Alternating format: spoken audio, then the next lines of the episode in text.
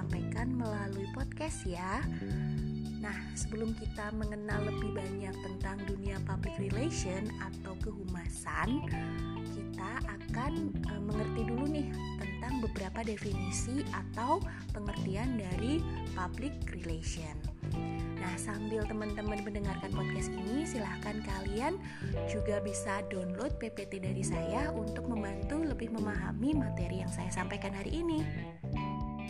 Oke, sambil sudah dibuka PPT-nya dan juga tetap mendengarkan suara saya, eh, kita akan masuk pada hal yang pertama yaitu pengertian public relation. Nah, teman-teman, sering nggak sih teman-teman mengira atau juga mendengar bahwa public relation itu sering diidentikan atau disamakan dengan beberapa istilah yang diketahui masyarakat. Misalnya, humas itu public relation loh, bahwa pekerjaan public relation itu marketing loh atau sering kali public relation itu diidentikan dengan urusan propaganda, publisitas, atau periklanan. Nah, kira-kira sebenarnya mirip atau sama atau sebenarnya itu hal yang berbeda sih? Coba deh teman-teman pikirkan sebentar. Nah, yang pertama nih, tentang public relation itu sama dengan hubungan masyarakat. Nah, kira-kira sama nggak teman-teman? Sebenarnya public relation sendiri kalau diartikan dalam bahasa Indonesia hubungan masyarakat sebenarnya agak kurang tepat. Namun istilah ini atau pengertian ini sudah diterima menjadi kesepakatan umum.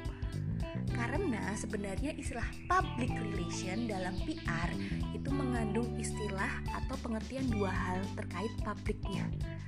Public internal dan public eksternal publik internal yang kita kenal adalah masyarakat, kemudian tim publik internal yang kita kenal sebagai karyawan, sorry ya, itu karyawan, kemudian tim manajemen dan direksi, kemudian publik eksternal itu masyarakat, kemudian media massa, pemerintah, gitu kan. Tetapi kalau dalam konteks Indonesia, masyarakat sendiri itu adalah masyarakat luas atau society jadi publiknya sendiri sih sebenarnya e, berbeda. Kalau tadi ya sekali lagi kalau di public relation publik di sendiri adalah mengacu dua hal, publik internal atau publik eksternal. Kalau istilah humas atau masyarakat ini adalah e, masyarakat umum gitu ya atau society itu tadi.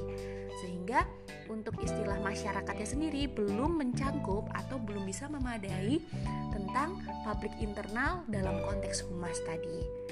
Tapi dalam keseharian masyarakat ini sudah diterima sebagai kesepakatan umum. Nah, yang kedua nih, public relation itu sama nggak ya dengan marketing? Nah, sering kali kan kalau teman-teman lihat di lowongan kerjaan gitu ya, bahwa public relation itu kerjaannya kok dicarinya mirip marketing ya? Sebenarnya ini suatu hal yang sama, profesi yang sama atau profesi yang berbeda sih? Nah, dalam PPT saya ada dua pengertian yang saya cantumkan tentang public relation dan marketing. Coba teman-teman baca. Di situ, public relation is management process whose goal is to attain and maintain a correct and positive behavior among social groupings on which an organization depends in order to achieve its mission ini titik dasarnya adalah atau tanggung jawab utamanya adalah untuk membangun serta menjalin relasi yang baik serta menciptakan e, lingkungan yang menyenangkan dalam suatu organisasi gitu ya. Tapi lihat untuk yang marketing. Di situ lebih kepada to attach and certify customer or client on a long-term basis in order to achieve an organization economic objective. Ya, ada kata-kata economic objective ya. Nah, di sini tanggung jawab dasarnya adalah untuk membangun dan memelihara pasar untuk kepentingan ekonominya. Jadi ada dua hal atau e, tanggung jawab utamanya yang berbeda public relation itu lebih pada positive behavior, relasi, relasi gitu ya yang sering kali uh, tidak bisa kita hitung secara ekonomik objektifnya. Tapi kalau marketing itu ada sistem ekonomik market ekonomik objektifnya ya. Nah, masih bingung sampai sini perbedaan antara PR sama marketing? Coba kita lihat pada slide selanjutnya. Dari dua pengertian tadi, ada hal yang bisa kita garis bawahi. Kalau kita ngomong marketing, berarti di situ ada konsep needs and want. Ada kebutuhan konsumen, ada permintaan konsumen. Sehingga perusahaan itu menawarkan produk dan jasa. Gitu kan? Untuk memenuhi kebutuhan atau permintaan konsumen. Di sini ada pertukaran untuk produk atau jasanya guna memenuhi kepentingan atau kebutuhan konsumen. Konsep utamanya adalah pertukaran. Dalam konsep marketing ini ada needs and want yang kemudian diberikan kebutuhannya pada uh, masyarakat atau dilakukan oleh perusahaan itu untuk memenuhi kebutuhan masyarakatnya. Tapi yang perlu diingat atau yang perlu kita pelajari sekarang adalah bahwa memang betul konsep marketing dan public relation itu sama-sama berkembang. Kalau teman-teman sering membaca atau pernah membaca buku tentang marketing communication tools, public relation memang salah satu dari marketing toolsnya cara untuk kita memenuhi kebutuhan pasar, kita memperkenalkan produk kita, salah satunya memang pakai marketing. Tapi ingat, PR bukan marketing. Ada fundamentally responsibility yang berbeda. PR membantu menciptakan corporate image-nya, PR membantu menciptakan image produknya, dia membantu mendidik pasar untuk tahu tentang produknya menjalin relasi antara organisasi dengan publik di sekitarnya, dengan para customernya. Perkembangan keilmuan juga akhirnya ada konsep baru yang namanya marketing public relation. Itu juga dikenalkan. Titik poinnya juga berbeda membedakan antara di mana kita berbicara pada marketing dan di mana kita berbicara pada marketing public relation. Sekali lagi ada fundamentally responsibility, yang berbeda. Ya. Kalau kita ngomong pada tujuan ekonomi gitu ya, kemudian meraih omsetnya berapa, pasar yang bisa kita raih berapa, itu ngomong marketing tapi kalau kita ngomong public relationnya atau marketing public relationnya adalah kita bagaimana menciptakan image produk itu. Bagaimana kita bisa menggambarkan ke masyarakat bahwa produk yang kita punya adalah produk produk kualitas dengan nomor satu. Kita mendidik pasar bahwa perusahaan atau produk kita itu mampu memberikan kebutuhan-kebutuhan itu. Sampai sini ada yang bingung?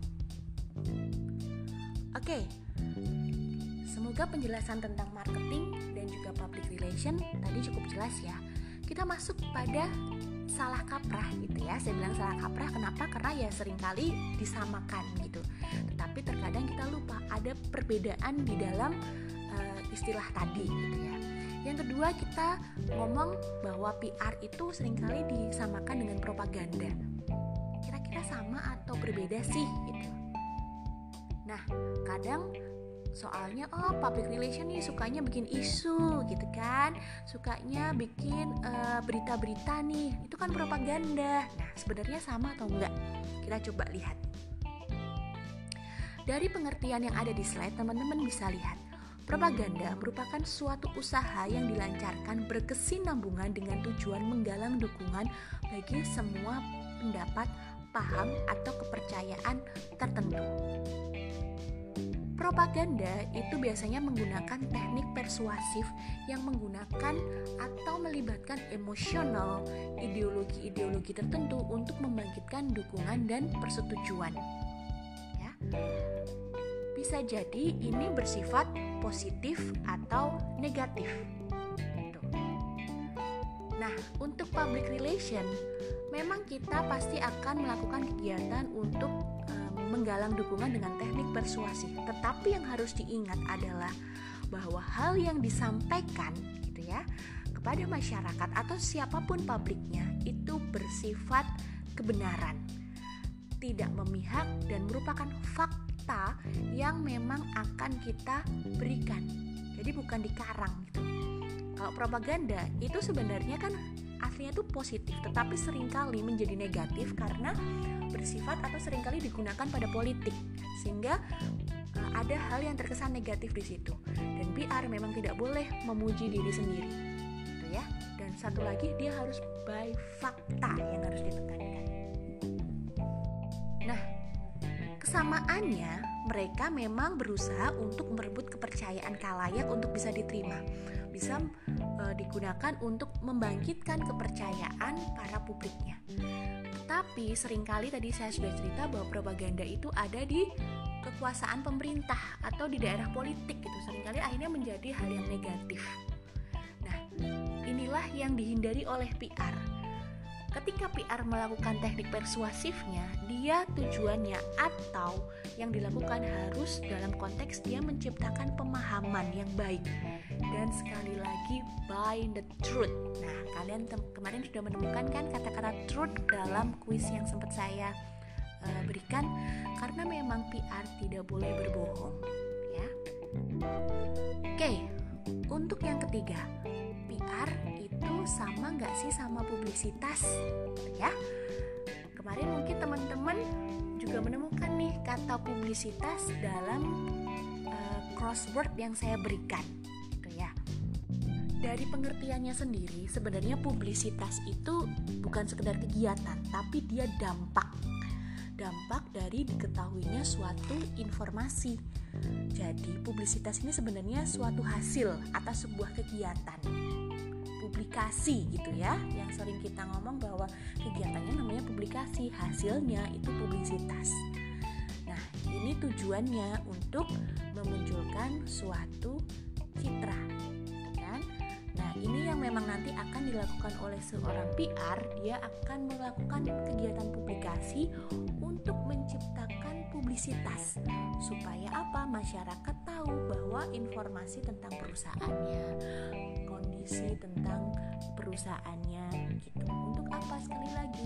Untuk menciptakan relasi dan pemahaman yang baik ke masyarakat atau untuk publiknya. Nah, lalu yang juga sering disamakan nih, PR tuh sama nggak sih sama uh, periklanan?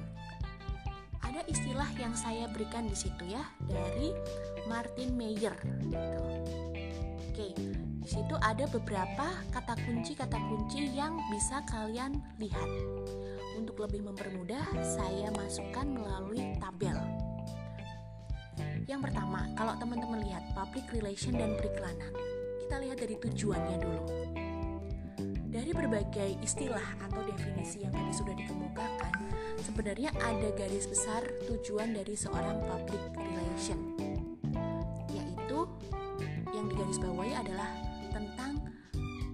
pemahaman yang baik gitu ya untuk perusahaannya atau yang kita sebut sebagai mutual understanding dan goodwill sehingga menciptakan lingkungan yang baik. Tetapi periklanan dia lebih pada promosi dan penjualan barang atau jasanya. Siapa sasarannya? PR tidak hanya PR eksternal tapi juga ada PR internal. Kalau eksternal karena sifatnya dia pasti menggunakan media massa untuk membantu mempromosikan barang, dia sasarannya pasti konsumen, gitu kan?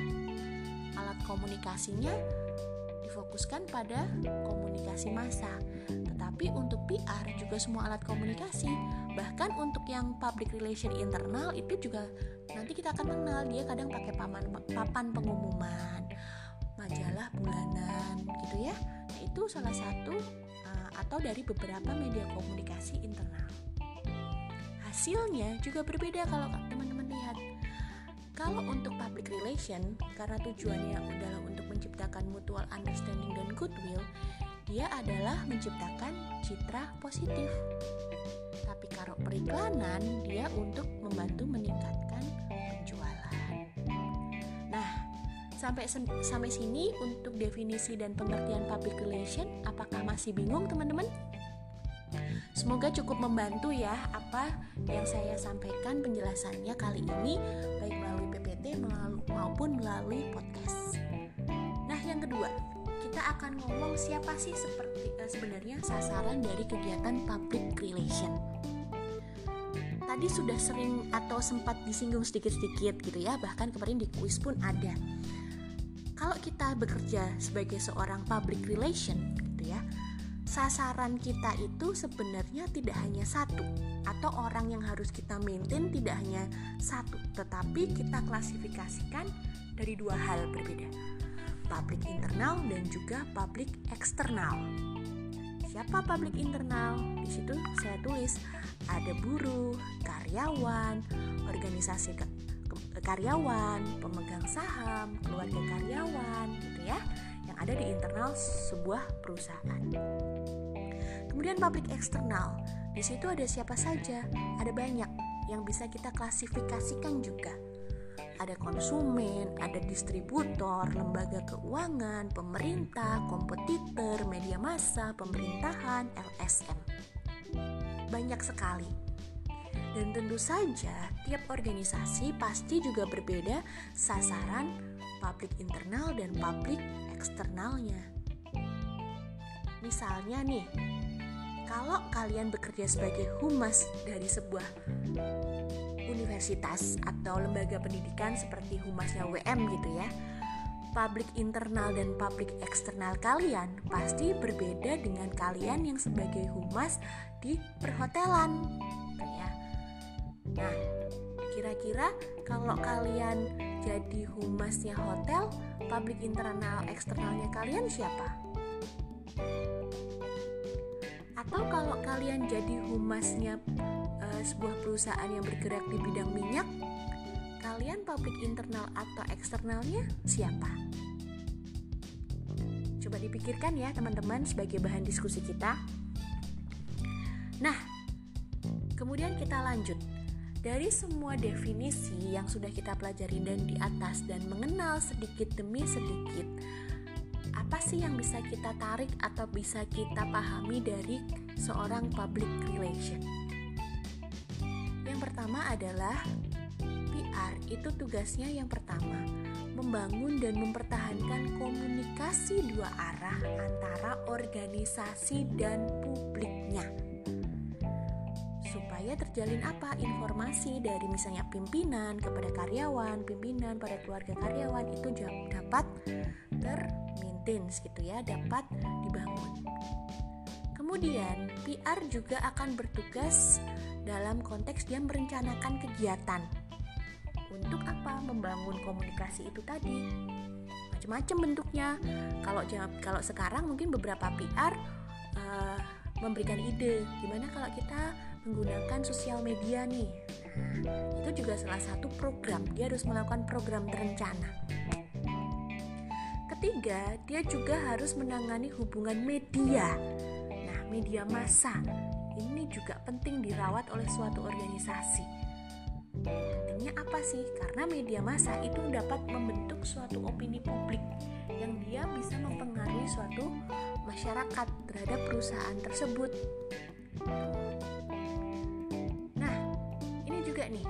Tugas PR itu kita juga membantu untuk mengevaluasi beberapa macam tindakan atau kebijakan yang sekiranya bertentangan dengan kepentingan publik dan kelangsungan organisasi. Misalnya nih, sering terjadi uh, yang harus di maintenance adalah ini nih, uh, lembaga buruh yang ada dalam organisasi. Itu kan pasti menjadi suatu tantangan tersendiri bagi PR untuk mampu menjembatani antara uh, buruh gitu atau lembaga buruhnya ini dengan pimpinan.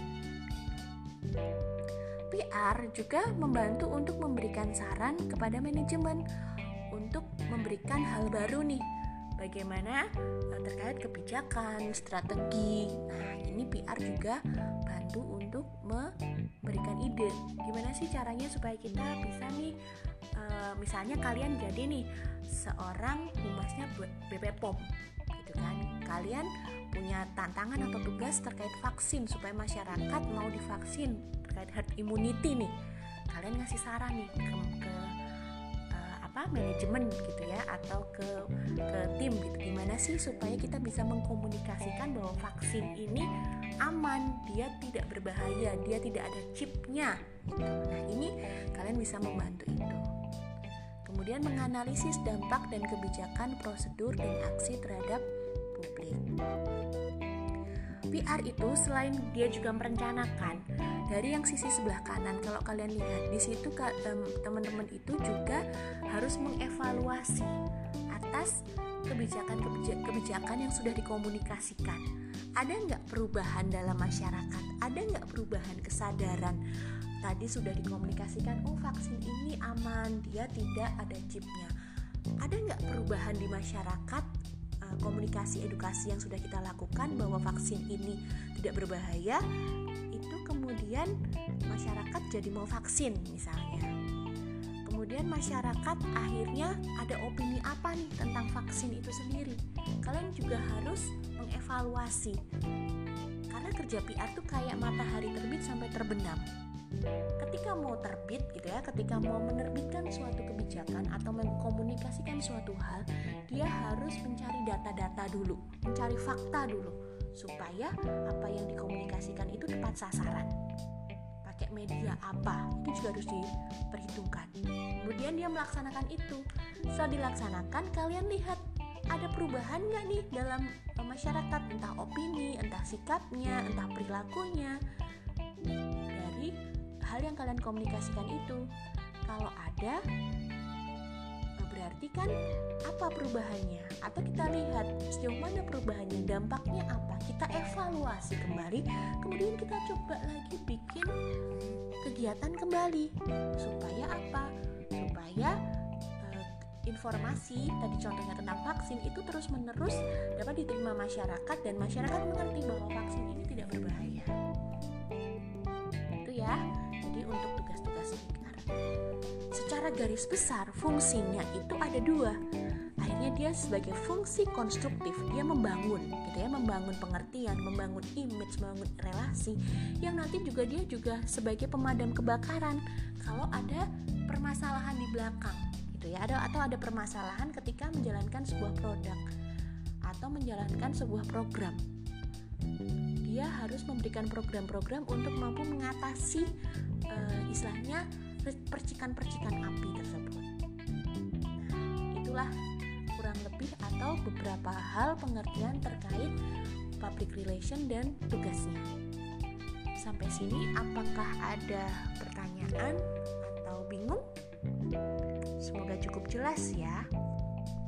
Nah, ini saya berikan beberapa pengertian public relation dari hal-hal yang tadi sudah kita pelajari dari berbagai tokoh. Misalnya dari British Institute of Public Relations.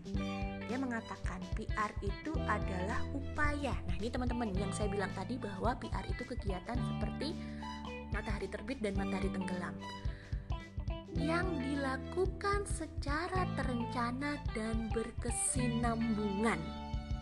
Nah, artinya tidak boleh berhenti sampai sini. Dalam rangka menciptakan dan memelihara niat baik atau goodwill dan saling pengertian antara organisasi dengan segenap kalayaknya. Sampai sini clear? Ingat ada kata terencana dan berkesinambungan. Kata kuncinya ada di situ. Menciptakan, memelihara niat baik atau disebut goodwill and good understanding. Ingat ya kata kuncinya sekali lagi dari British Institute of Public Relations. Nah, sekarang dari Frank Jeffkin. Ini teman-teman juga harus pahami. Dia menjelaskan PR merupakan bentuk komunikasi terencana. Ya, terencana artinya tadi seperti saya jelaskan, dia harus melalui data dan fakta ya yang sudah disusun. Kemudian baik ke dalam maupun keluar organisasi.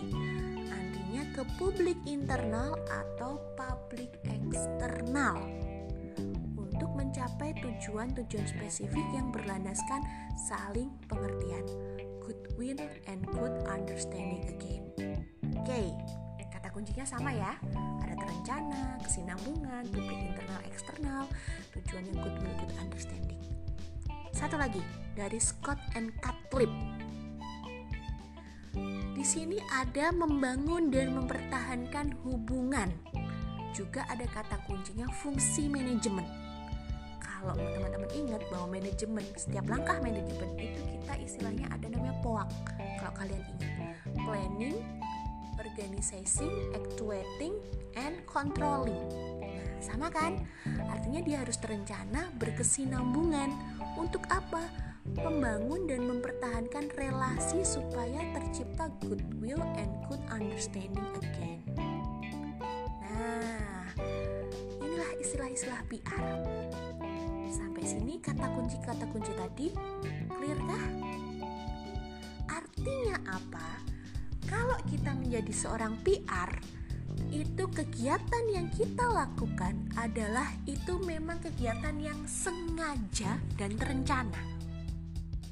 Sengaja diartikan bahwa memang kita membuat perencanaan, kita menggali data-data, bahwa apa yang kita lakukan itu berdasarkan kebutuhan akan informasi atau data yang kita temukan. Dan tujuannya mengarah kepada untuk good image, goodwill, good understanding, and good communication dalam suatu organisasi. Karena tadi sifatnya adalah terencana dan berkesinambungan, artinya atau sengaja sorry ya eh, tadi yang pertama itu adalah terencana dan sengaja maka kegiatannya harus berkesinambungan atau berkelanjutan. Tidak boleh berhenti. Itu yang tadi saya bilang bahwa layaknya matahari terbit. Kalau sudah berhasil apa yang perlu kita tingkatkan? Kalau belum berhasil kita cari kurangnya di mana? Itu yang namanya berkelanjutan. Kemudian komunikasi PR itu harus dilakukan dua arah yang mementingkan feedback atau umpan balik ya dari publiknya. Kalau kalian sudah melakukan kegiatan komunikasi, jangan ditinggal. Kalian harus melihat dan mengevaluasi sejauh mana yang kalian lakukan itu sudah berhasil. Ya.